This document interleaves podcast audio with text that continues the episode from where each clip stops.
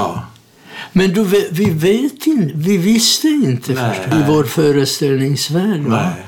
Jag menar, vad hade man inte gjort annars? Men du, alltså jag har, jag har brev, jag har eh, hans brev från kriget. Va? Pappas. Ja. Och, och Ska du du- kan se du gå- hans sista brev. Ja, ska du gå och hämta det kanske? Ja, det kan, Kan, du kan, få. du göra det? Eh,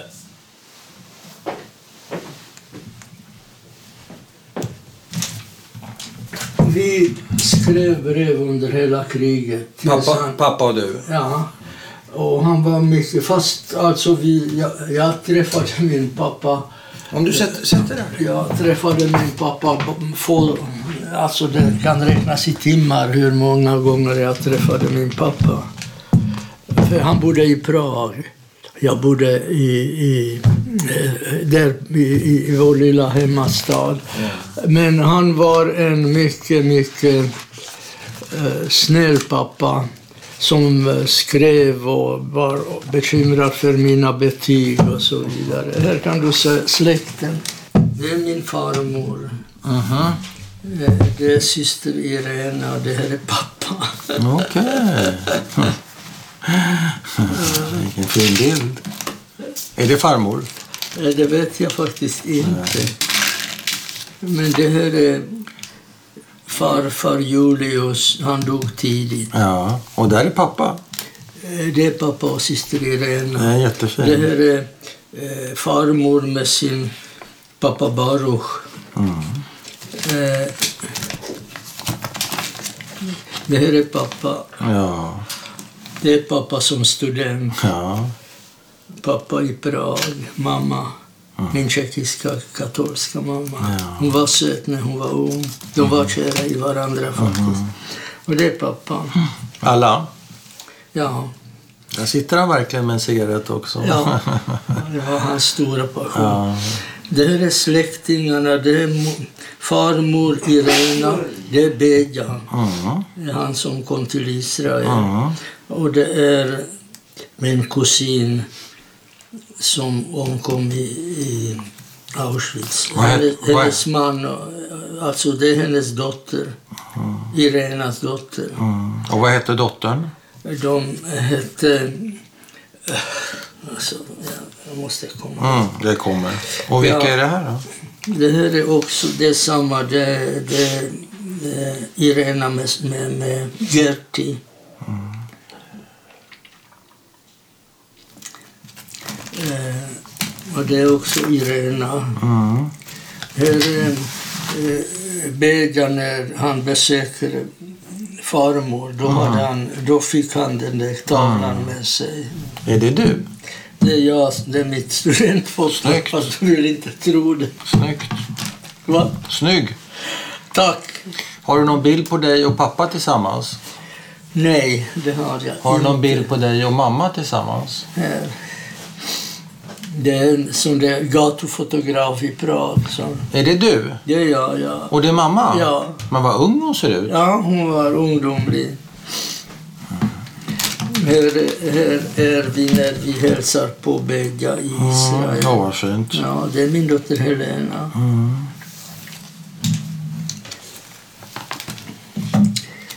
Det är hans tavlor. Han är Aha. mycket duktig. Det här är hans eh, illustrationer till Victor Hugo. Aha.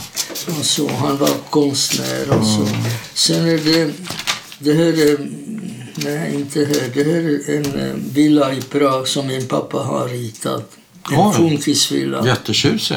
Han var eh, som det Le Corbusier. Mm. Bauhaus. Ja, precis. Mm. Det, det, det var det där. Är det en privatvilla? Numera är det privatvilla. Vi var där, det jag har tagit bilderna på den. Efter mycket letande så hittade jag den. Fantastiskt. Men byggdes det för en familj? Eller bygg- Ja, det byggdes för en judisk eh, filmdirektör i Prag ja. på en väldigt flott ja eh, fin adress. stadsdel. Tjusigt. Och, och sen hade den väldiga öden som... Ja. Men nu ser den väldigt välskött ut. Den ser fin ut. Det är det. Och det. Numera är det något företag som Mm. äger det. Förstår du. Och jag minns det när jag träffade min pappa i Prag. Va? Så han var stolt och visade Ja. mig i sitt... Eh, han ritade inredning. Ja. Bland annat en, en, eh, en, eh, trappa som var i, i stora entrérummet. En liksom fritt svävande trappa. Wow. med- Flott. Jag var imponerad redan då. Ja. Det är min släkts eh, gravsten i min lilla hemstad. Julius var farfar, Amalia farmor. Mm. Irena var stora syster. Mhm. Pappas stora syster. Ja, pappas stor. Och är det dottern, Else... Är det Irenas dotter? Nej. Det här, det, Gerti. Gerti. Osvald Glaser heter han, hennes man. Hon var gift Glaser. Och Leo är pappa, Det är pappan, ja. Majer. Mm. Men hur många av de här verkligen ligger i den här graven? Eller är det en minnes... Ja, det är de här, här uppe. Där uppe, ja. De, de var i Auschwitz. Ja. Det finns bara... Det är Bedja, det är min egen teckning av Bedja. Jaha, du är också konstnär. Ja, jag kan teckna lite grann. Blygsam. Det Det är ju fantastiskt porträtt. Det är fantastiskt. Ja. Hade, han en, hade han en sån näsa alltså? Gud, ja. Och jag har... Men vad var det här? Du, vänta. Vad var det? Det är eh, i min gamla lilla hemstad där det inte idag finns några judar kvar. Nej. Där det bodde cirka 500-600 när jag var liten. Mm. Vi var där och när vi skulle besöka graven av mina, Mm. då var det en gammal judinna som hade nyckeln. Ja, ja, som sista som Ja, blåser. hon var den sista. Ja, ja. Förstår du vad jag har? Det intressanta är att jag har upptecknat hennes berättelse Ja. som eh, faktiskt inte finns på annat håll. Där hon berättar om sin tid i Auschwitz. Och så säger hon när vi satt hos henne så småningom, och då ska jag berätta hur det ser ut i en gaskammare. Det är sant. Och hon var alltså ungefär lika gammal som jag är nu. Ja. Och jag har ingen, inget skäl att... Vet du, då var det så att hon var redan så nära. Men när de skulle in, Ja. då blåste det flyglarm. Ja. Och de jagade ut allesamma nakna som de var. Ja. Hon överlevde. Ja. Och jag har ingen, inget skäl att tvivla på att hon ljög för mig. För. Nej, nej, nej. Och vet du, hon sa till oss där när vi var, Gunilla och jag, hon berättade. Jag har aldrig berättat det för någon. Fantastiskt. Wow. Jag har skrivit, jag har tecknat upp det där och ringde till, då till eh, de som, alltså Judiska museet i Prag och de skulle besöka henne och ta upp det på det här sättet. Vad fint. Innan de kom så dog hon. Hon hade cancer, den där gamla fru Müller. Men fick de din berättelse? Din... eh, Ja, jag du- skickade. Okej. Ja, då, nu, det här Men vi, vi var inne på pappas brev, va? Pappas brev. Det här är en guldklocka jag fick efter min farfar. Den har min, min son fått. Efter honom, Julius. Det, den där pappas lilla... Jaha, det ser ut som någon eh, teatergrej. Du har Ja. rätt. Någon dräkt. Fantastiskt. Oj, ja, duktig. Eh, och här är pappas brev.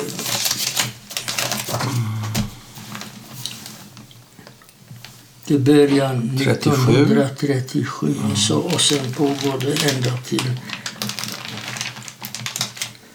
Han, han läste engelska och ville att vi skulle skriva till vad jag läste engelska. Så, Ja, many thanks. Ja, ja. Men du, är det här det sista brevet? nej, jag, jag tror det är...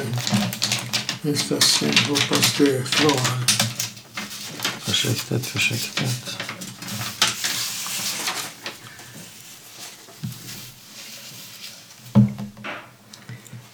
Nionde 43. Det är det sista. Mm. Då föreslår jag att du sätter det där. Och så kan vi börja med att du läser det här om det är okej. Ja, Om du vill. så är det.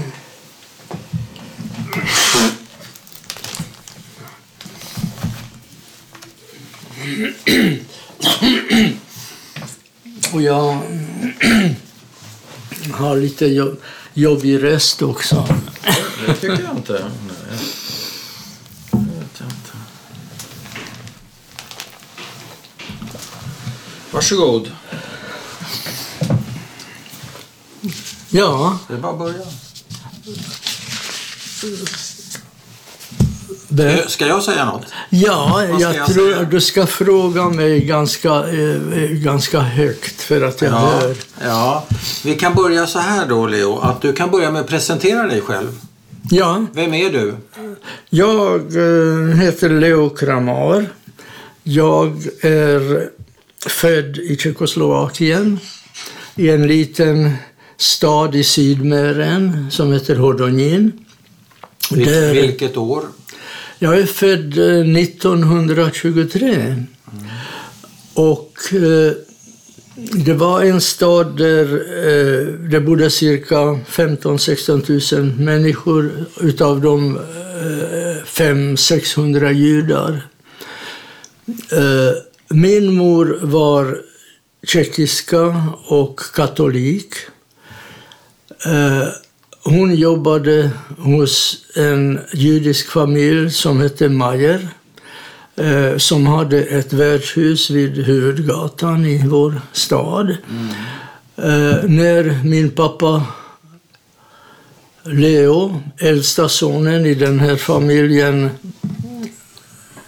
som studerade till arkitekt i Prag, var hemma på besök under något lov så träffades de två och det blev ett barn. Mm. Hur, gam, hur gammal är din mamma? Mamma, min mamma var född 1903, så hon var ett, några år yngre än pappa var då 20. Eller, ja, Eh, pappa var 23, mamma var 20. Ja, och vad hette mamma?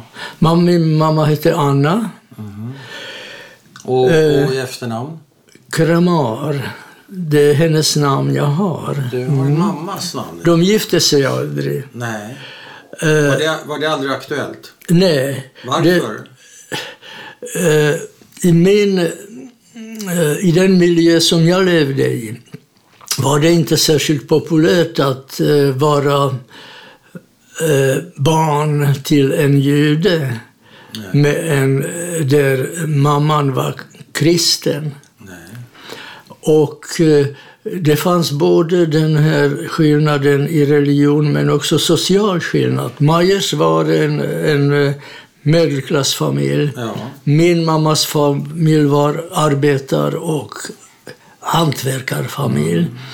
Och det fanns inte en chans att Leo skulle gifta sig med en flicka, Nej, en arbetarflicka. arbetarflicka som inte var jude dessutom. Så att... eh, Men när du säger att det inte var populärt, var det i Leos familj eller var det i Annas familj? Som det, Det var inte populärt hos någon. och att bli född oäkta i min miljö var inte roligt. Och att dessutom vara eh, son till en judisk till en jude var ännu mindre populärt. Så att, Så du hade dubbla Så det här- handikapp, kan man säga så? Ja, det här socialt var jag mycket, mycket lågt stående i vårt samhälle på den tiden. Och När jag, uppfattade du det själv första gången? Har du något? nej, jag uppfattade det inte alls. För det, det förstod jag inte som barn. Eller antisemitism? Och, och, du- och det fanns, vad jag kan minnas, i min skoltid till exempel. Jag kan inte påminna mig några antisemitiska yttringar. Eller vi, vi, I eh, Tjeckoslovakien var skolan sekul, sekulariserad. Ja. Eh, de flesta var katoliker. Eh, en del var protestanter och några få i varje klass där vi var judar. Men det, vi hade, jag, minns, jag kan inte påminna mig några konstigheter Men vad var oss. du då i klassen? Var du halvjude? Jag var katolik. Var katolik. Ja, jag, var, jag är döpt katolik och konfirmerad Fick katolik. du en ny pappa sen? Förlåt? Fick du en pappa sen? Fick du en ny pappa? Eh, Så småningom, efter mycket längre, men jag växte upp hos mina morföräldrar. Aha. Hos morfar och mormor. De tog hand om dig? De tog hand om mig. Mamma gifte sig och flyttade till en annan stad. Ja. Så jag levde ända tills jag blev cirka 14 år, 12, 13 år i, i, hos mina morföräldrar. Fick du inte följa med din mamma? Eh, nej, det fick jag inte. Och jag tyckte det var bra hos mormor och morfar. De tyckte om mig. Ja. Pappa, var, pappa bodde... Alltså när det här hände var han student. Ja. Studerade till arkitekt. Ja. Så småningom etablerade han sig som arkitekt i Prag. Så det var långt mellan oss.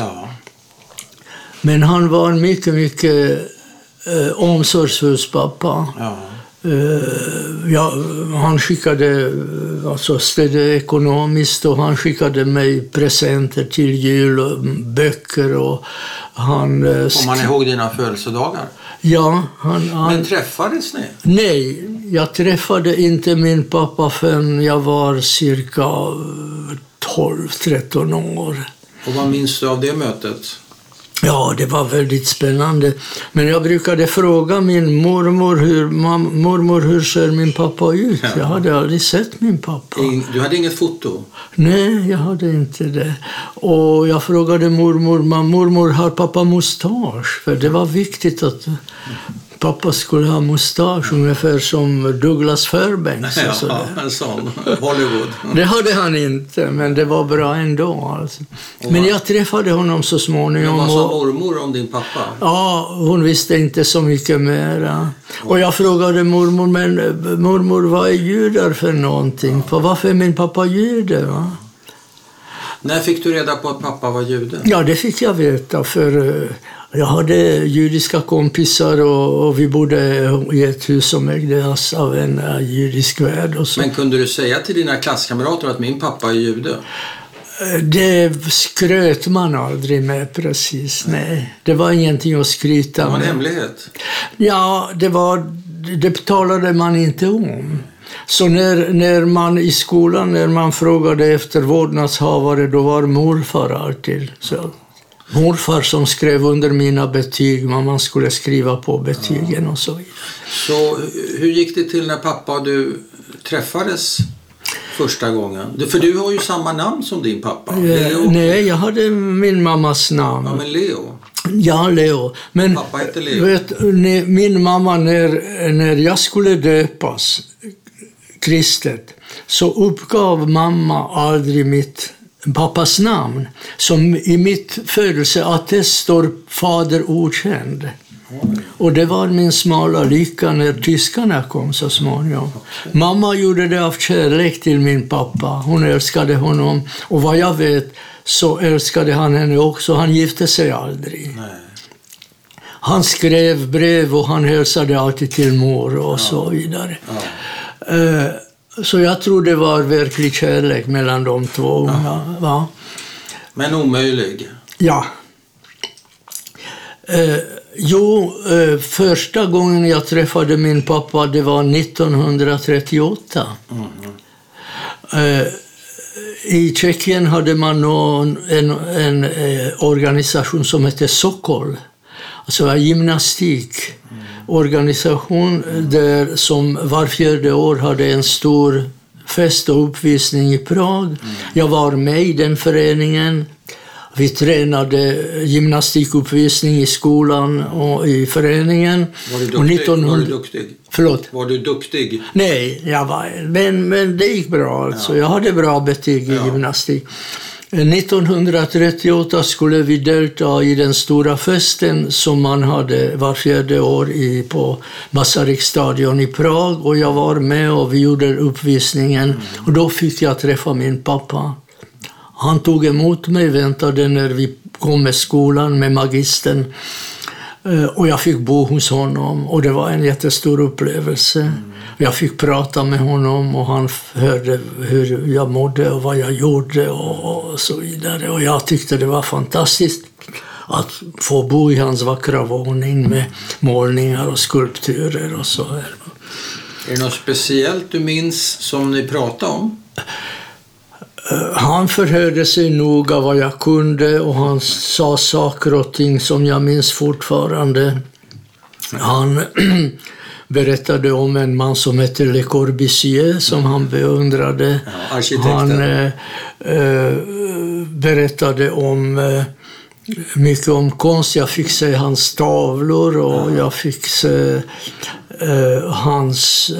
Jag var med i hans arkitektkontor där han visade eh, ritningar på en flott villa, eh, funkisvilla som han byggde åt en, åt en eh, eh, filmdirektör. Aha. Eh, Så det var en stor upplevelse. Men eh, så här i efterhand skulle du säga att han ville uppfostra dig lite grann med eh, saker som du kanske inte hade kommit i kontakt med? Åh ja, Eller var åh han ja. också, men var han nyfiken på, på dig? Frågade han dig om någonting? Åh ja, han frågade, om, om, han frågade till exempel om jag spelade biljard. Nej, jag hade... Då säger han, hörru du, i din åldern så sov jag på biljardbordet. Men det var inte så konstigt, de hade ett värdshus. Men Ja, där fanns ett biljardbord. Spelar du kort? frågade han. Nej. Ja, men du förstår. När man spelar kort så lär man sig känna människor, sa han. Nej, det gjorde jag inte heller. Men jag kunde teckna som han. Jag var duktig på Ja. att teckna och det tyckte han Tyckte var han att du var duktig? Ja. Så, Och, röka cigaretter, diskuterar ni det också? äh, ja, men det, då, då var jag för ung för det fortfarande. Alltså, så. Hur var din relation till din mamma? Och, Hade du en relation till mamma? Min mamma var väldigt älskande mamma och jag hade en stor släkt på mammas sida. Ja. Snälla mostrar som eh, jag fick vara hos mina kus, eh, alltså tjeckiska eller kristna kusiner. Ja. Men jag hade ingen kontakt med, med farmor och med den s- delen av släkten. Nej, på pappas sida, okej. Mm.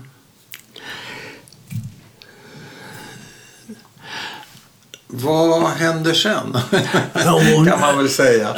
Alltså, Eh, I slutet eller i mitten på... jo, jag ska sticka in en, en fråga, Leo. Förlåt. Jag ska sticka in en fråga. I, i Ja. din, eh, jag spränger sönder din tidslinje här lite. Du sa innan att egentligen har jag inte så mycket intressant att berätta. Eller hur? Ja. Jag har inte varit med om så mycket, sa du. Nej. Alltså, och då tänkte du, syftar du kanske på förintelsen, Ja. koncentrationsläger, den typen av förfärligheter. Men betyder det att du på, något sätt känner att dina erfarenheter av förintelsen skulle vara mindre värda? Eller hur ska jag förstå det? Eh, jo, jag, jag känner mig inte vara en av dem som verkligen hade upplevt Förintelsen på det värsta sättet. Jag, är, jag känner mig lite grann i marginalen, och, som man ska säga så. Men det är så här att eh, eh, när någon gång omkring tre- 1935 Ja. så blev min mormor sjuk, fick läggas in Mm. Och blev aldrig frisk. Och då måste morfar och jag flytta till min mamma och min nya familj Jaha.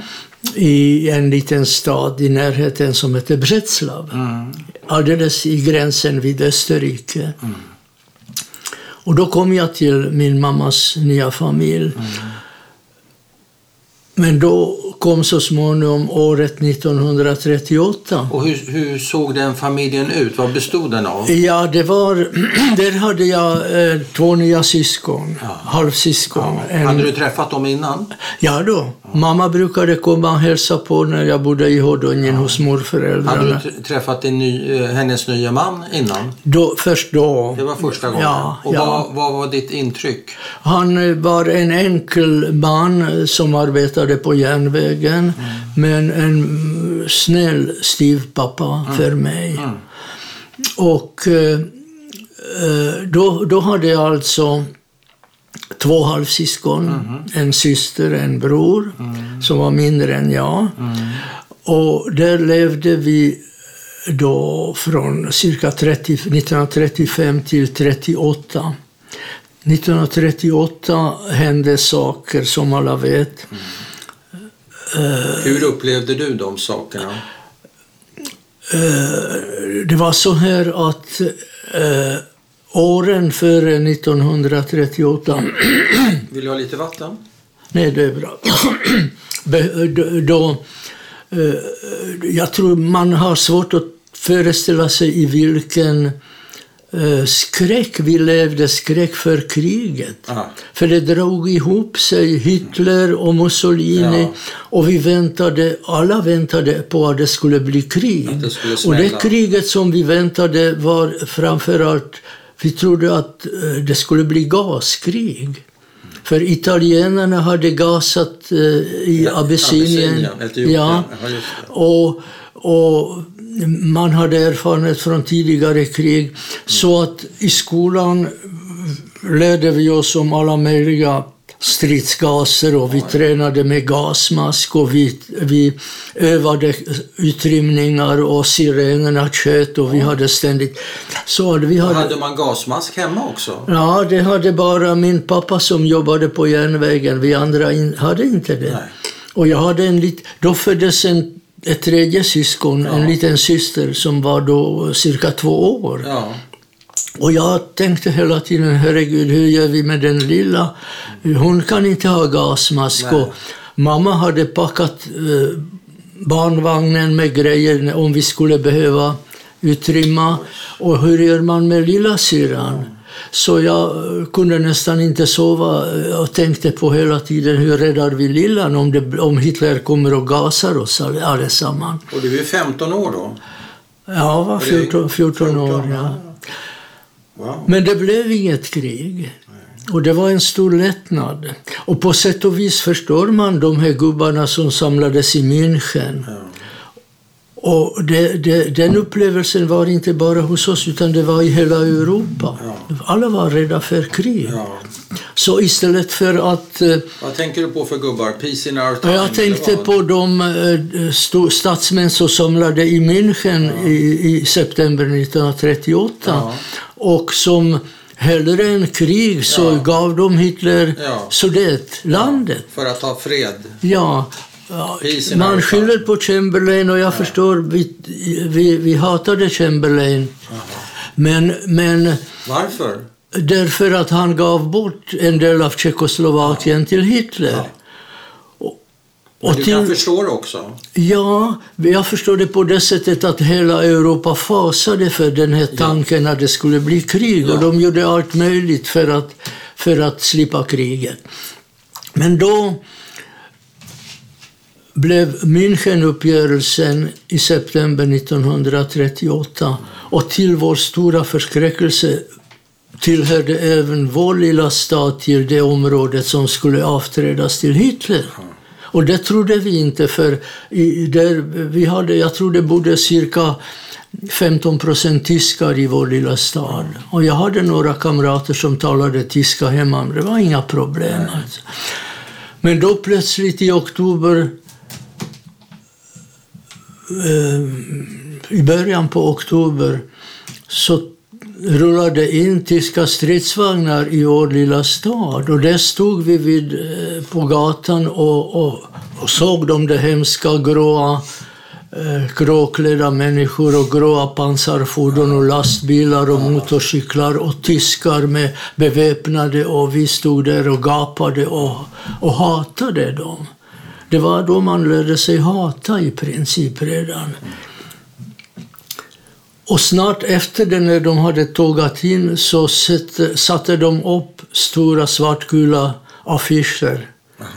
Alla judar och halvjudar ska anmäla sig hos myndigheten under stränga straff, punkt slut. Vad, Och då tänkte, bl- du, vad tänkte du då? Då blev min mamma helt desperat. Så hon ringde till min morbror i Hodonin, i närmaste, som hade taxi. Hon packade min, min eh, lilla eh, väska. Morbror kom och jag satte mig i taxin och vi körde från tyskarna. Och det var, delade du din mammas oro? Förlåt? Delade du din mammas oro? Oh, ja, jag förstod inte så mycket, Nej. men visst gjorde det. För när, när man skulle få eh, plötsligt eh, där i vår stad där vi hade bott och trott vi var i säkerhet så Ja. plötsligt så hänger det svartvita fanor med SS-märken och utanför stadshuset står det två, två stora svartklädda män med dödsskallar i mössan med pistolhölster och stövlar. Visst blev man eh, lite skraj. Men då eh, fanns det, tyskarna flyttade gräns, den gamla gränsen och den ska, skulle vi passera med bil, men där fanns det tyska vaktposter och där fanns tysk militär. Och de stoppade oss och jag satt där bak i bilen och de frågade eh, och en eh, tysk med stor grå stålhjälm stack huvudet i bilen och frågade vad hade jag där. Jag sa Bücher. Jag kunde lite tyska. Ja, böcker. Men där ute, det var oktober och det hade regnat. Och på de blöta åkrarna där ute på gränsen satt det fullt med människor på sina väskor och paket. Gamla människor, barn, Ja. familjer, judar På flykt. på flykt i oktoberregn, i oktoberblåst som inte kunde komma över den där gränsen där jag lyckades komma över. För de lyfte bommarna, den där rödvita bommen, och, och vi passerade och jag hade tur och kom över, men de fanns kvar där. Och det, den bilden har jag kvar. Och har du en, känsla av dåligt samvete? Usch, ja, jag undrade Och vad som skulle hända med dem där. Okej. Jo, i alla fall så mm, jag fick bo hos mina mos, snälla mostrar. Men sen mm, gick det bara sex månader och så ockuperade tyskarna i mars eh, 39 resten av Tjeckoslovakien. Så tågade de in igen. Ja. Det kom upp de där svartgula affischerna upp på nytt. Ja. Det är en repris alltså. Du upplever samma sak två gånger. Ja, just ja. Och då, då tyckte vi det var ganska dåligt. Alltså. Jo, eh, Hur då dåligt? förlåt. Vi tyckte det var ganska dåligt Ja. Vad ja betyder vad ska det? man säga? Det är kanske lite eh, underdrift. Men, men vi hade ändå inte... Men eh, var det en känsla av uppgivenhet då? Ja, ja, det var det. Att eh, det var... Att tyskarna alltid vinner. Det är alltid de eh, onda som vinner. Alltså, ja. Det, det, det fanns in- inte mycket att göra. Nej. Okej, så vad händer? Ja, eh, ja, då skulle man göra på samma sätt eh, som då. Man skulle anmäla sig hos myndigheten under stränga straff. Och då gällde det, jag menar, då hände det som var det märkliga under hela den här tiden, ockupationstiden, att man skulle fatta beslut. Vad gör man då? Ska jag lyda tyskarna eller ska jag inte göra det? Och eh, väldigt mycket av det hela berodde på tillfälligheten och på eh, hur man gjorde då vid ett visst Men herregud, du är ju ett barn. Du är 15 år. Vem, Ja, jag var inte oförstående. Jag, Men vem jag, diskuterar du med? Vem jag hade börjat, det var så att jag hade börjat på gymnasiet Ja. precis eh, 1938. Ja. För att kunna läsa på gymnasiet under tyska ockupationen, då, eh, det var inte tillåtet för judar. Nej. För att visa att man inte var jude, då skulle man komma till skolan med sju ariska bevis. Då skulle man ha sitt eh, do- dopattest för sig själv, mamma, pappa, mormor, morfar, farfar och farmor. Det klarar inte du. Ja, för att kunna klara det, hur gjorde jag? Ja. Jo, jag tog helt enkelt mitt styvfars dopattest. Och på gymnasiet i skolan var man inte så noga med det, så det gick okej. Vi hade olika efternamn, Ja. men det, det är ingen som brydde sig om, så jag fick Du fortsätta. var inte omskuren? Nej, nej, nej, jag var katolik. Ja, du var Ja. Okej, så du... Så att då, då, då bestämde man sig att då började jag fuska. Jag använde falska papper och sen fick man fortsätta med så det. fortsatte du så? Sen i fortsättningen varje gång man skulle intyga att man var, inte var jude, då skrev man under eh, eh, och svå, man, man, eh, det var bara att ljuga och fortsätta Men var låtsas. det ett problem för dig? Att du behövde ljuga för att överleva? Eh, det, var, det hade kunnat bli problem. Halvjudar var inte lika utsatta som förstår judar. men var det problem för dig moraliskt, etiskt? Nej, nej, nej, nej. Jag har aldrig eh, skämts för att jag hade ljugit Nej, och, nej. och lurat. Nej, såklart. Eh, Man, eh, det är självbevarelsedriften Ja, är så stark. ja. Ja. Så vad, vad händer sen då? Vi är framme vid 39 va? Ja, jo, sen eh, vi blev ockuperade och jag gick på gymnasiet och eh, pappa levde i Prag och eh, Hur mår du vid den här tiden? Ja, jag tyckte vi, vi försökte leva så, så gott det gick alltså. Det, det var bara att överleva va. Och det viktigaste var att inte sticka upp, Nej, inte visa nej, för mycket. Eh, Etab eh, Gestapo etablerade sig eh, på, på Länsstyrelsen. Där jag gick varje, varje dag till skolan, till gymnasiet, gick jag förbi Gestapo, kvarter, högkvarteret där det stod svarta män med döda skallar.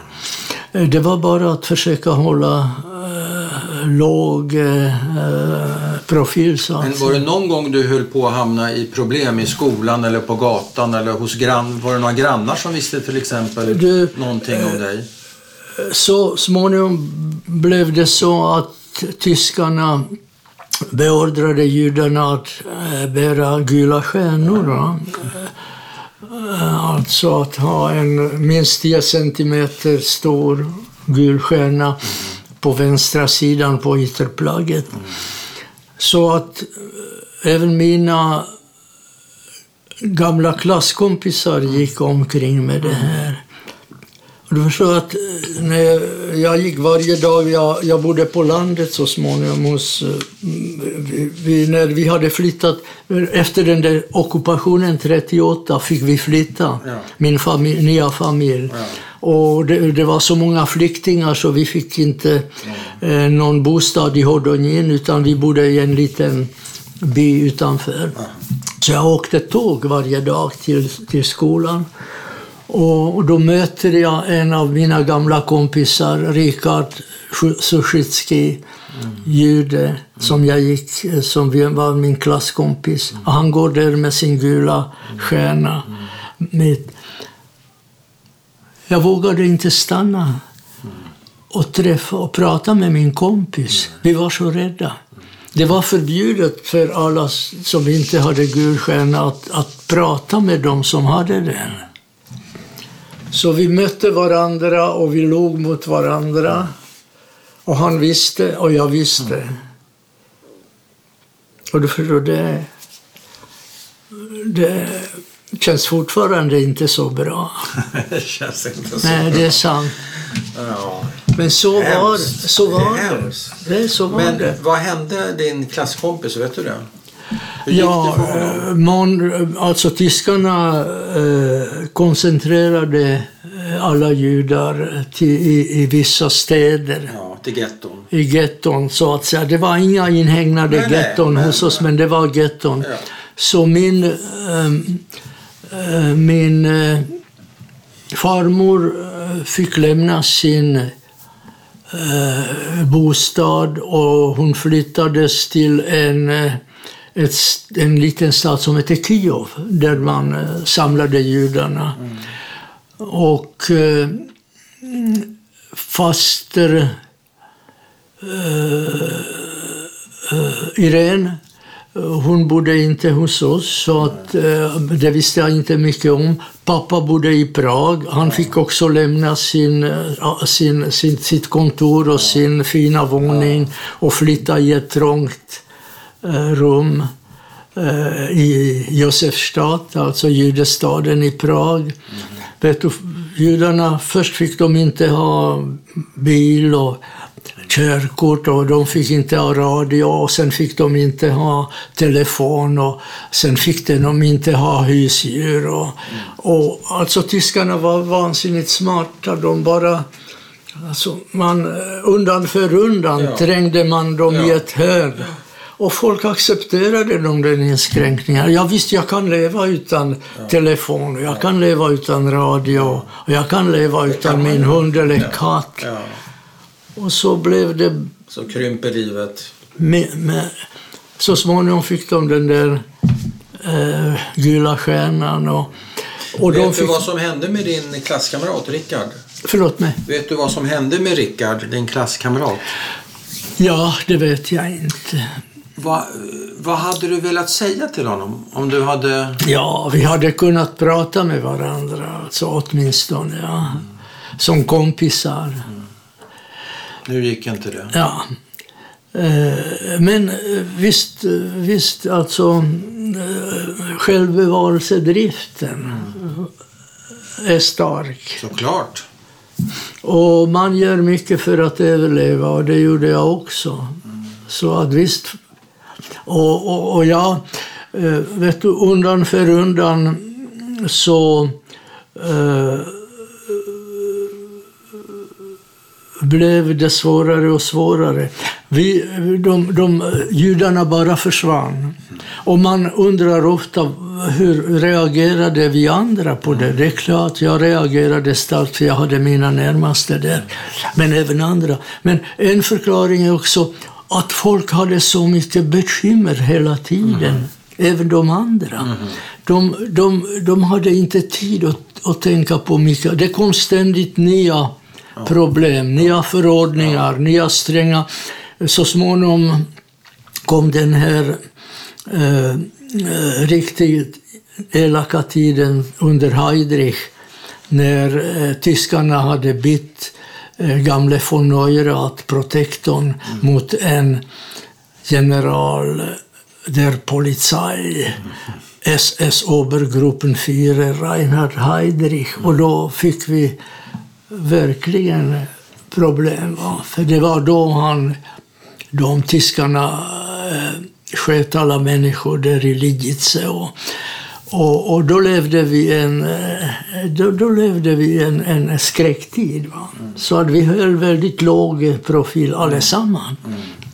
Och pappa, vi hade ont om mat, men pappa hade ännu alla judar hade ännu sämre ransoner mm. än vi andra. Så vi skickade paket hela tiden. Pappa behövde den hjälp han kunde få. Mm. Vad skickade ni för något? Ja, vi skickade mat, mat, mat. Men det, det, det märkliga är att vad jag vet så var min pappa inte särskilt religiös. Det var, de, var inte, de var normalt eh, mm som judarna hos oss var ganska assimilerade. Mm, Men under kriget, under den här tiden, mm. så tror jag han blev mer mm. jude än tidigare. Mm. Så till exempel, eh, Eh, om man skulle skicka kött då, eh, i paket, då, då var det bara rökt kött man kunde skicka. Men det finns nästan inget annat än rökt fläsk att köpa. Att, att hitta rökt eh, Kalkon eller oxkött. Eller, ja. det, det var, men han vägrade. Hellre än att äta fläsk då så, så ville han inte ha något. Men vi skickade paket så mycket vi kunde på, på hans, och även cigaretter och sånt där. Och, och, det gjorde vi så länge han, eh, innan han transporterades till Theresienstadt alltså. Men ni hade kontakt alltså när han var i Prags getto? Då kunde han skriva? Ja, ja jag var där. Och du var jag, där? Ja, det, jag träffade honom sista gången 1942, 43 tror jag. Hur var det med honom då? Han bodde i ett trångt rum med andra och han hade väldigt tråkigt.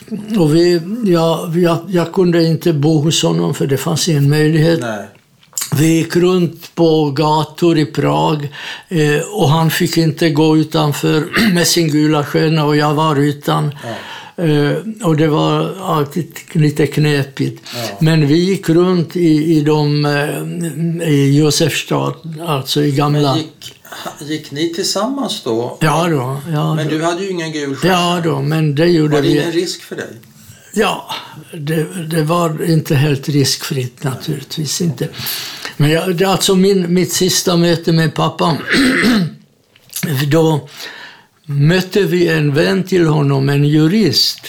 Och vi diskuterade det här, min, mitt tvivelaktiga min tvivelaktiga ställning som Mischling Ersten Grades, som tyskarna kallade det. Bas, första graden, alltså de Halvjude. halvjude, ja.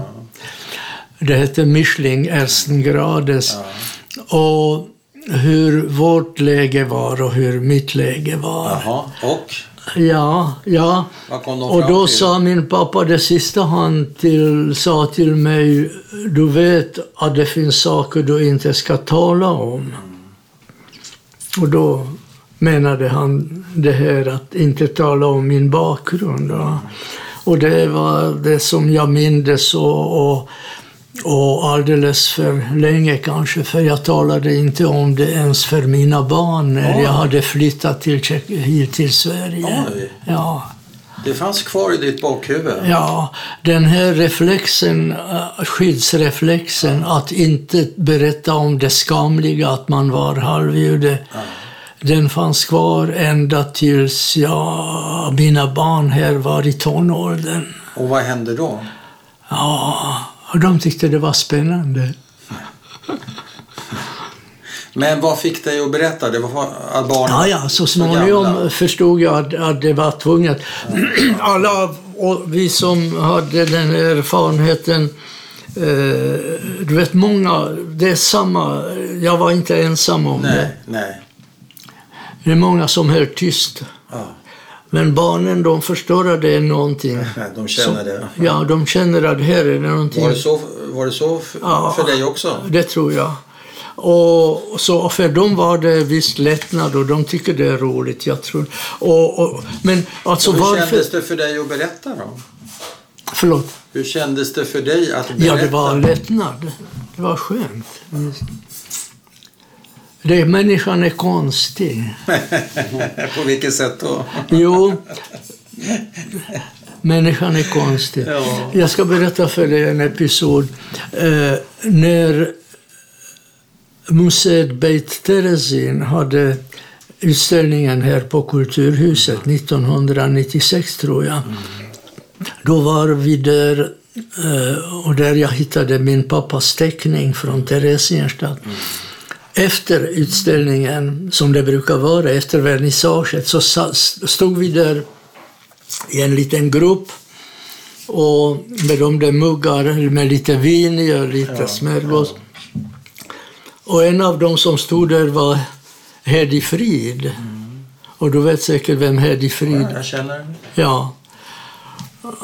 Och när vi stod där så säger Hedi Frid till mig är du också en sådan som tittar på i te telefonkatalogen när du kommer någonstans? Och du vet, det var som... Alltså jag var tvungen att vända mig. Jag tyckte det var så pinsamt. Herregud, vad, hur kan hon veta det? Hon är, hon är psykolog. Ja, ja. Men samtidigt var det lite lättnad, vet du, Ja, för jag var såg. inte ensam om det. Nej. Och det är Men vad sant. betyder det? Jo, Att man kommer någonstans, hittar Ja. en telefonkatalog, öppnar Men vad är det man letar efter? ja. Gunilla och jag var i New York. Och det första jag kom in på hotellet så slår jag upp telefonkatalogen och letar efter Leo Mayer. Och jag hittar säkert fem, sex stycken Leo Mayer Ja, på Fifth Avenue. Ja, ja. Ja, ja. Men jag ringde Man inte. letar släktingar, okej. Jag ringde inte. Alltså jag vet att pappa, jag vet eh, till 110 procent Ja. att, att min pappa är död eh, sen 19... Ja, ja, men man fortsätter leta. Ja. Hoppet. Men det finns något, Tack. det är så idiotiskt obegripligt, fast jag, jag uppfattar mig som fullständigt eh, rationell. Ja, men hoppet Människa, eh, vill men- man väl inte ja, bli av hoppet. med? Och du vet, när kriget var slut och vi fick veta det här, tack. Ja, vad gjorde man? Man väntade. Ja. Man väntade och väntade och ja, väntade hoppades. och kanske, vet du, kanske fanns det ändå Kanske fanns det ändå en chans. Hur länge hoppades du? Ja, jag vet inte. Inte- Hoppas du Du ser det ända tills vi letade i katalogen. Ja, Okej, pappa säger till dig, det, det är det sista han säger, att du, det är vissa saker man inte ska prata om. ja. Och det gjorde jag inte alltså alldeles för länge kanske, man- kan man säga. Va? Så kan det vara. Är det, du sitter där med ett brev från Ja. din pappa. Det är det sista han skrev till dig. Ja, När är det daterat? Det här är daterat den Prag den 18 9 43. Så pappa var en av de sista judarna som... Han arbetade på judiska församlingen där. Ja. Jag vet inte vad han arbetade, men bland annat så var det så att tyskarna upprättade på Heidrich befallning, Heidrichs befallning byggde man upp ett museum över en utdöd ras. Det var Heidrichs mening. Ja. Ja, Tyskarna själva, nazisterna, Heidrich befallde att man skulle upprätta ett museum över en utdöd ras. Det vill säga ett judiskt museum kan man säga. Ja. Med nazistiska Ja. förtecken. Och där samlade man rituella föremål från synagogor som, som, som revs ner Ja. och så vidare. Så det finns... Men vad var kopplingen till pappa? Jag Jobbade vet inte om han var möjligen inkopplad, det vill jag inte, vet jag inte. Men han arbetade och han var... Det var ingenting han skrev om. Men, men, Nej, men du han läsa- var med arkitekt och han var en av de sista. Ja, vill du läsa hans eh, brev? Ja, det är på tjeckiska. Ja, börja på tjeckiska så Ja. kan du väl översätta det sen. Jag ska försöka. Kära Leo. Du kan läsa det på... Gör så här. Läs det först på tjeckiska om Ja. det är okej. Och sen kan du översätta. ska försöka. Můj milý Leošku, odjíždím v sobotu dne 21. tohoto měsíce do T. Terezin. Dostali jsme v úterý zprávu, že musíme v sobotu nastoupit do transportu. Připravují se Připravuji si všechny věci a jsem, pokud to jde, klidný. Doufám totiž, že se brzy vrátíme. Děkuji ti za všechno, za tvoji podporu, kterou jsem tak potřeboval. Buď hodně zdrav a silný.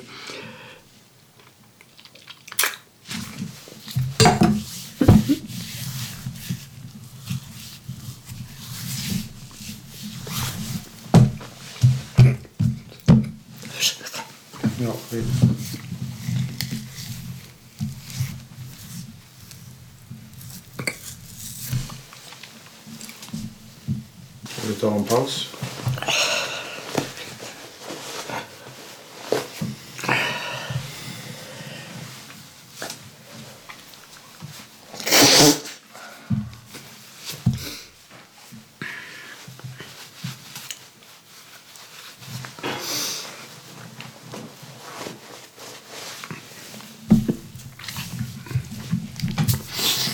det blir jobbigt. Vad är det som blir jobbigt? Herregud, det...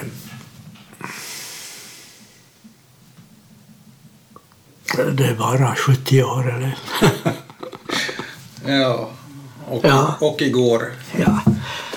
Nej, jag läser inte det här brevet så ofta förstår du. Nej, det blir starkt. Skit. Ja, men man är människa. Man blir en Man man människa. tårögd gubbe. Ja, det gör ingenting. Det är okej. Ursäkta. Jag gråter också, så det är ingen fara. Och kanske Cato med. Vad står det mer? Ja, vad står det med? Blev du klar med det? Eller ska du läsa klart det Ja, tjeckiska ja. även om det är... Buď hodně zdrav a silný. Pozdravuji rodiče, zvlášť pozdravuji maminku, na kterou často vzpomínám. Škoda, že jsem tě nemohl vyroz- vyrozumět dříve a za všechno ještě a, a se s tebou ještě sejít. Tak, milý Leošku, zdravím a líbám tě, tvůj otec Leo. PS. Sestře Ireně jsem napsal, abyste si vyměnili případné zprávy ode mne. No, min kära Leo. Jag, eh, förlåt, jag måste slita mig. Det går så bra så. Ja.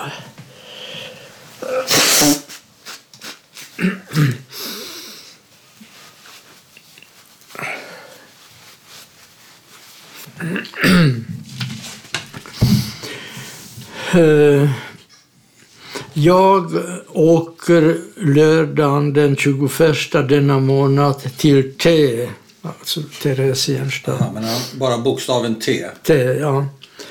ja. Då, s- vi, vi, ehm, I tisdags i tisdag kväll har vi fått eh, meddelande att vi på lördag ska eh, inställa oss till transport. Okej. Jag förbereder alla mina saker och är så långt det går eh, lugn. Går. Jag hoppas nämligen att vi snart kommer tillbaka. Hoppet. Ja, men du förstår det, 43, vi visste, han visste inte, vi visste inte. Alltså han tror hoppas att vi... Det är fantastiskt. Va? Så okunniga var. Eh, Jag tackar dig för allt, för ditt stöd som jag var i stort behov av. Var eh, mycket frisk och stark. Jag hälsar dina föräldrar, särskilt hälsningar till, till din mor som jag ofta tänker på. Synd att jag inte kunde meddela dig tidigare så vi kunde träffas. Så min kära Leo, hälsningar och kyssar från din far. PS. Jag har meddelat eh, syster Irena så nu kun, ni kunde eh, ta kontakt och eventuellt eh, få veta något om mig. Mm. Hon var nämligen, hon lyckades, eh, hon var smart, hon lyckades komma till Slovakiet och överleva. Va? Ah, din syster. Eh, Hon, hon var tillsammans med farmor i gettot i Kiev. Men eh, var eh, sjuk, opererad för cancer och inlagt i ett tjeckiskt, vanligt tjeckiskt sjukhus. Och där lyckades hon, det var snälla, va, hjälpte henne. Hon smet. Och eh, farmor hade en eh, jag tror det var farmors... eh, hur nära de var. Jag tror nästan det var... Jo, det var bröd, någon av bröderna av Redlich, de hette Redlich i förnamn, Ja.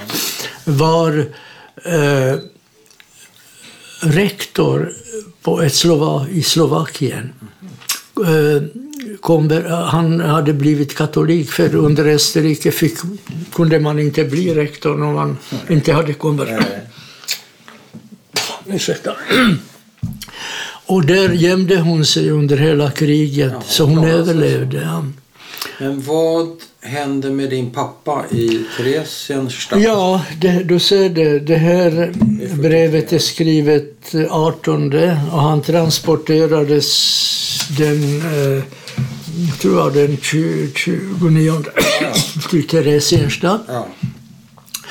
Eh, och jag har ingen kontakt med honom från den dagen då han eh, transporterades till Theresienstadt. Tills jag har ett papper på eh, att han eh, den 29 september 44 transporterades till Auschwitz. Och då gick de till gasen direkt. Va? Okej. Det, var, det var inga tatueringar eller någonting. Utan Men har du, dött, har du ett datum när han trans, jag har transportkortet, Okej. foto på, så det har Men du har inget dödsdatum Nej, det, det var, men det var bara några dagar alltså. i Auschwitz? Ja. Och vad hände med... Det farmor också.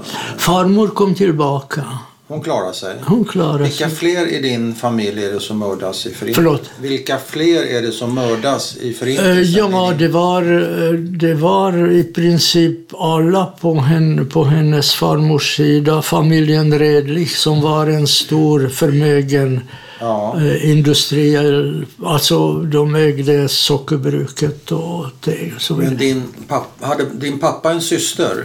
Syster, eh, hennes man och hennes dotter omkom i Auschwitz också. Också Auschwitz.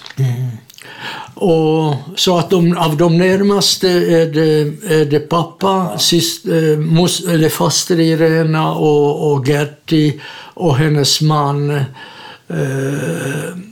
som, som omkom. Jag tänkte på två, reagera på två saker i det där fina Ja. brevet. Det ena, kanske en fånig grej, men han, han ber ju dig hälsa till dina föräldrar. Mm. Han är ju din pappa. Ja. Men så, så var det för att skydda dig? Ja, han visste att min styvpappa var snäll mot mig. Mm. Men det var inte för en omtanke att du inte skulle få problem med censuren? Var det Nej. inget problem att skriva till honom för dig som icke-jude? Under den här tiden var det inget problem. Det var inget problem. Och det var, det var lite problem att skicka paket. Va? Ja. För han, inget- han fick skicka, hämta paketen och man fick skriva avsändaradress och så vidare. Men tog ni ingen risk som skickade, mat, som skickade paket till en jude? Förlåt? Tog ni ingen risk som skickade paket till en jude?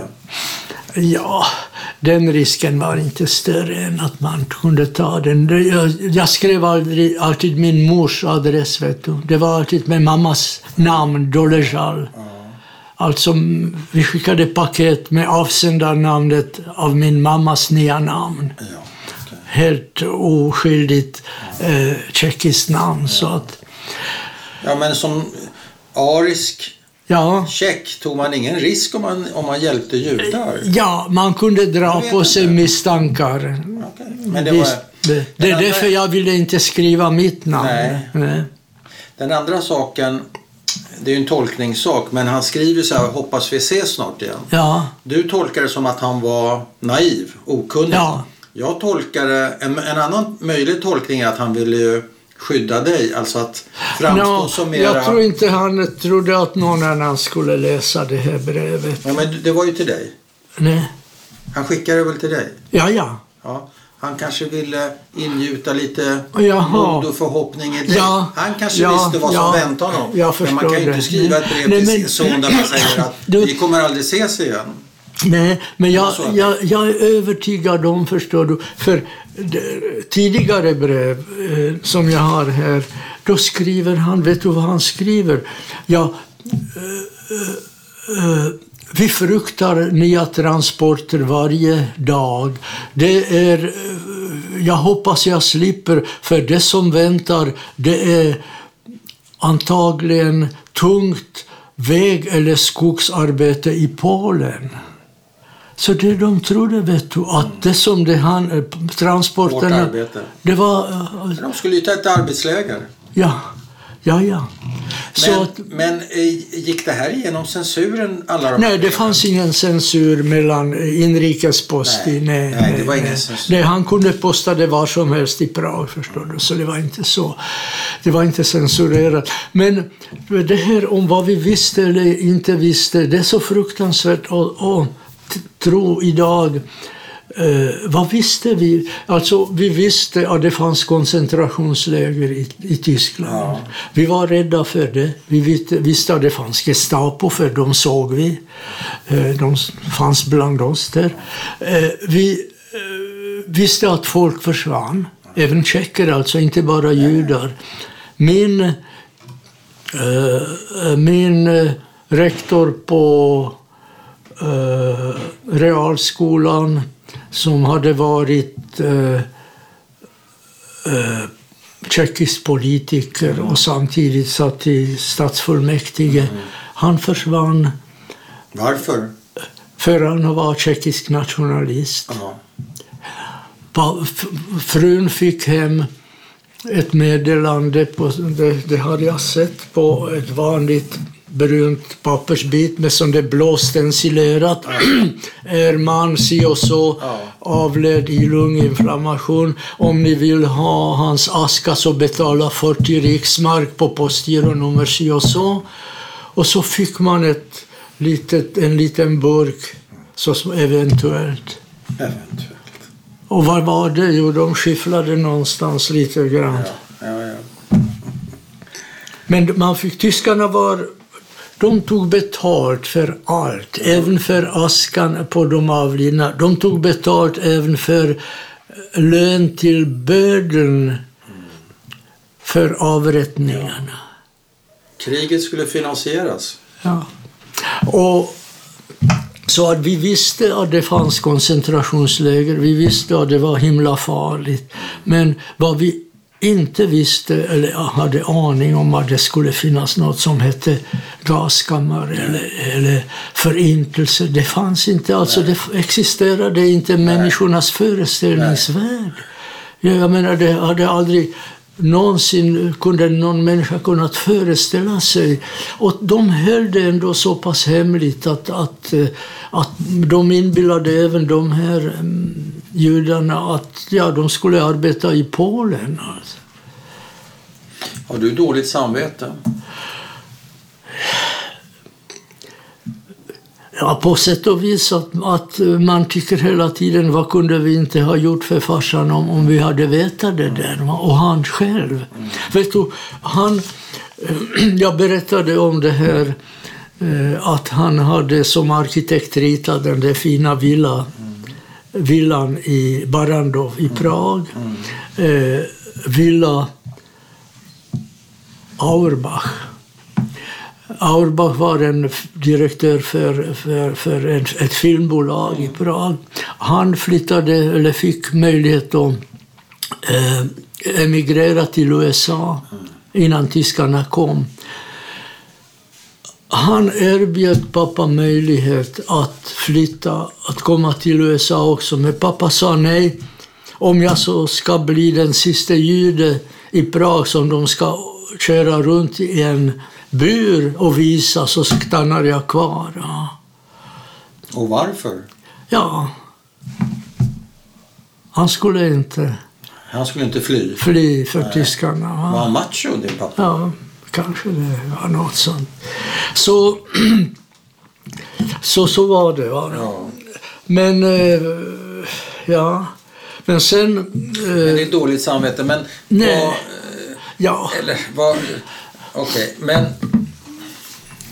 Vad, vad är förintelsens läxa för dig? Vad finns det att lära av, av, av det där? ja. Finns det något att lära? ja, du, vad ska man säga? Ja, eh, om jag ska vara väldigt... Så en, en, eh, en, en fast övertygelse är eh, för mig sen dess är att eh,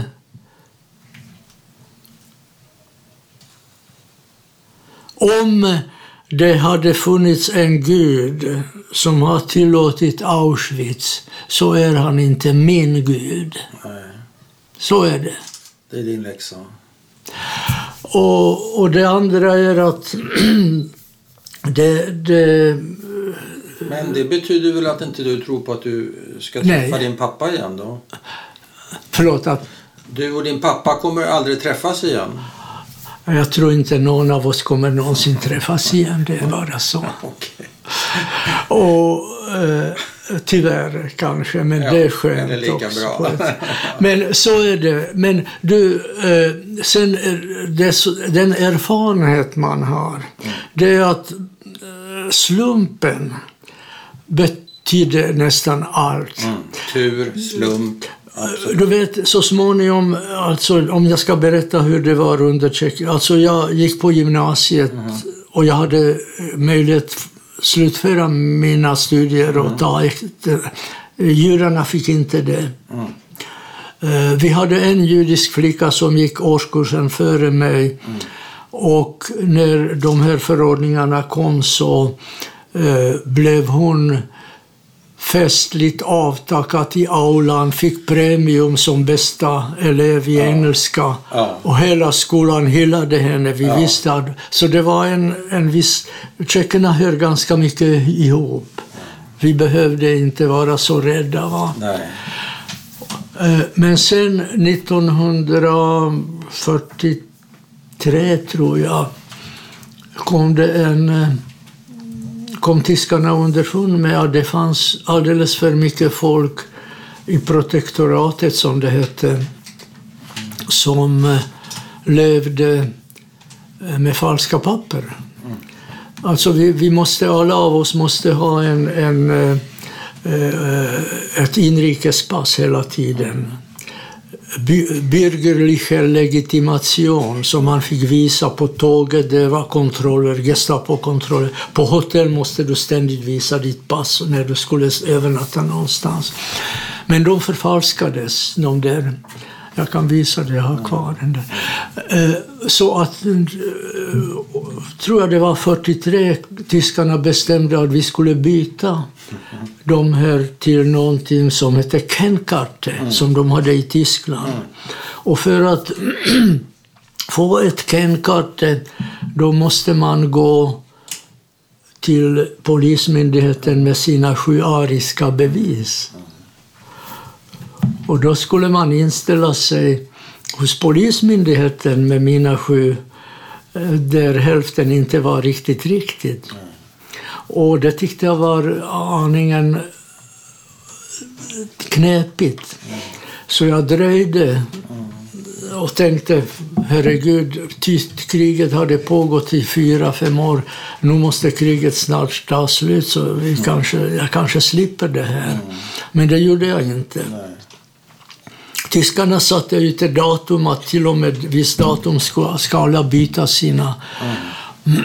Och de som inte hade gjort det under den tiden, de ärendena fick tjeckiska polisen överlämna till Gestapo. För det var de som var... Så när, då, då hade jag efter studentexamen börjat jobba på en revisionsbyrå. När jag kom hem från jobbet så stod det mamma med eh, kallelse till Gestapo. Leo Kramar skulle inställa sig med sina sjuariska bevis. Ja. Ja, det fick jag göra. Alltså, så jag var tvungen att gå förbi de där svarta med dödsskallarna och till eh, ett kontorsrum där det satt en man med, bakom ett stort blankt bord och Aha. granskade mina papper Ja. och frågade varför hade jag inte... På tyska? Mm. Pratar han tyska med dig? Förlåt. Pratar han tyska med dig? Nej, han talade tjeckiska. De var tjeckisktalande. Många av dem som vi hade där, de- var sudetiska, de var tjeckisktalande. Okej, så vad, vad var din förklaring? Ja, jag sa ja, ja, jag kan inte hjälpa dig. Han frågade varför har då er pappa inte legaliserat det här, alltså styvpappa? Ja, så vad, vad kan jag... Ja, varför har de inte gjort det? Du vet, arbetarklassen och, och sånt där. Eller, Jag sa inte du givetvis. Nej.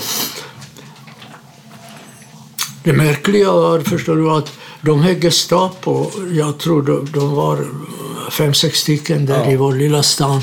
De hette Geheime Staatspolizei, alltså hemliga. Mm. Hemliga poliser. Men de var inte dugg hemliga för oss. Och jag tror inte de ville... De gick klädda i svarta skinnkappor, okej. stövlar. Ja, ja, det är inte så hemligt.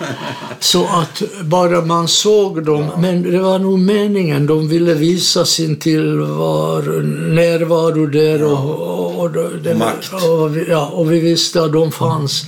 Och det var eh, nog att man höll sig på i skinnet. I alla fall, eh, han förhörde mig, han granskade mina papper och jag var givetvis nervös. Mina ben darrade lite grann. Och han gick vägen. Jag hade tur helt enkelt. Han accepterade den förklaringen. Jag fick min kenkarte och Tur. jag överlevde. Men det var alltså eh, close shave som det brukar heta. Man ska ha tur. Och eh, sen eh, klarade jag mig till resten av kriget. Men det var också så att hela tiden förstår du, hände det saker och ting även för de som inte var judar. Eh, tyskarna behövde arbetskraft. Så de tvångsrekryterade tjeckiska eh, unga människor. Eh, jag blev också kallad. Jag jobbade, vi var två stycken på den där lilla revisionsbyrån. Unga män, jag blev kallad till eh, arbetsamt. Och jag skulle till tvångsarbete i Tyskland. Men det fanns alltid en möjlighet. Tyskarna kunde mytas. De flesta kunde mytas. Inte Gestapo kanske. Men, eh, och den som man kunde myta det var den tyske doktorn som bestämde om man kunde vara frisk att åka in. Och min smarte chef eh, var, kunde eh, de här och det skulle vara fullkomligt galet att försöka muta doktorn med pengar. Men han var en fantastisk musikälskare. Och min smarte chef lyckades komma över ett album med samtliga Beethovens symfonier. Det var något som var nästan omöjligt att hitta. Eh, Alltså efter det att pappa eh, transporterades till, till Theresia så, så tappade jag kontakten med honom. Ja. va. Sen, eh, och det var hösten 43. Ja.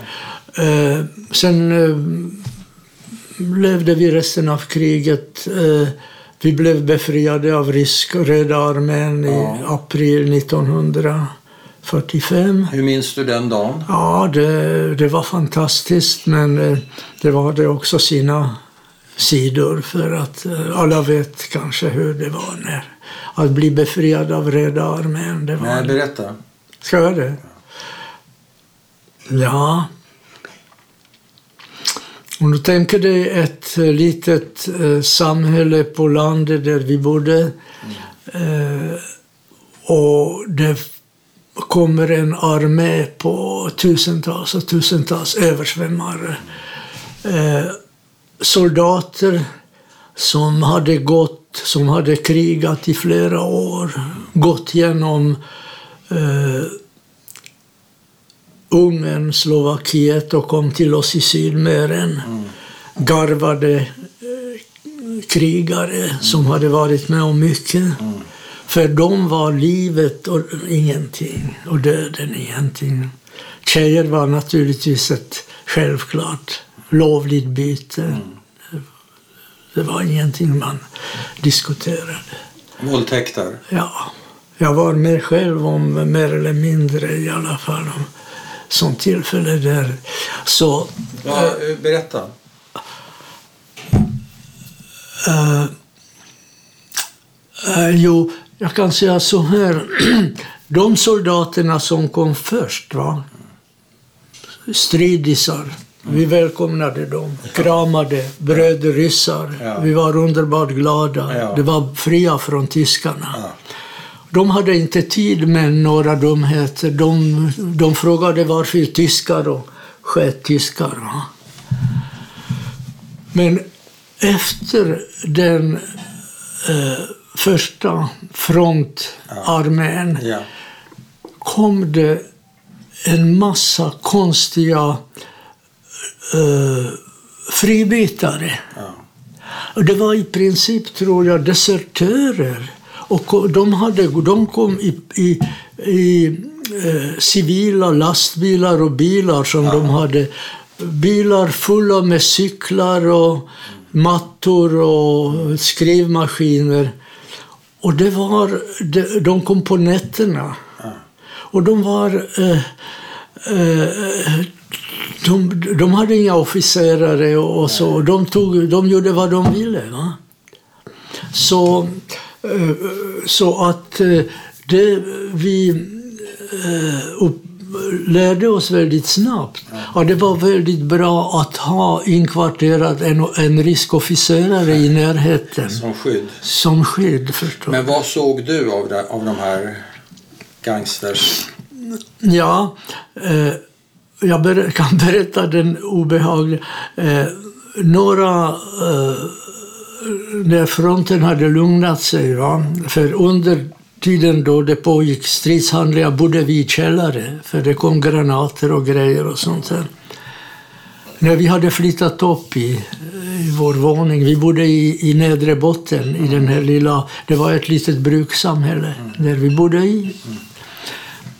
Och jag vaknar på natten och mamma står vid fönstret. Det här var i maj, i början på maj.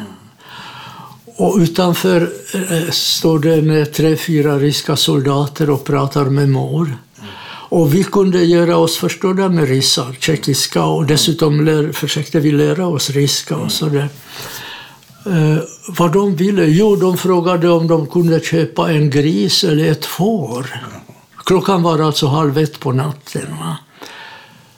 Och herregud, det fanns... Jag tänkte det, det, det är inte så bra. Men i vår, vårt samhälle fanns det två stora gårdar eh, på, eh, på någon kilometer avstånd. Så jag kom, går fram och säger, hörre ni, på ryska så långt jag kunde. Eh, där ett par kilometer längre bort finns det ett storstadsgods. Eh, det var på den tiden. Där kan ni möjligen hitta ett, ett får. Eller ett, ett, här finns det inga får. Det här var arbetarbostäder och tjänstemannabostäder. Jaha, sa de. Du Tjeckoslovak, kom då ska du visa oss. Och jag var bara i shorts och skjorta. Jag fick gå igenom, jag ville inte öppna så jag gick genom fönstret. Utanför stod en gammal Opel Kadett. I den satt fem ryssar. Jag fick sitta i knäna på den som satt bredvid, föraren I, förra, längs, alltså, I framsätet. i framsätet. Det var natt.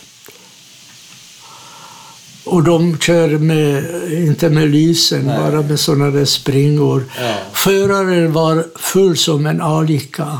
Så han somnade över ratten så fort vi stannade. Och han körde hur som helst. Deras chef satt bak. Han hade en pistol som han höll i nacken på mig.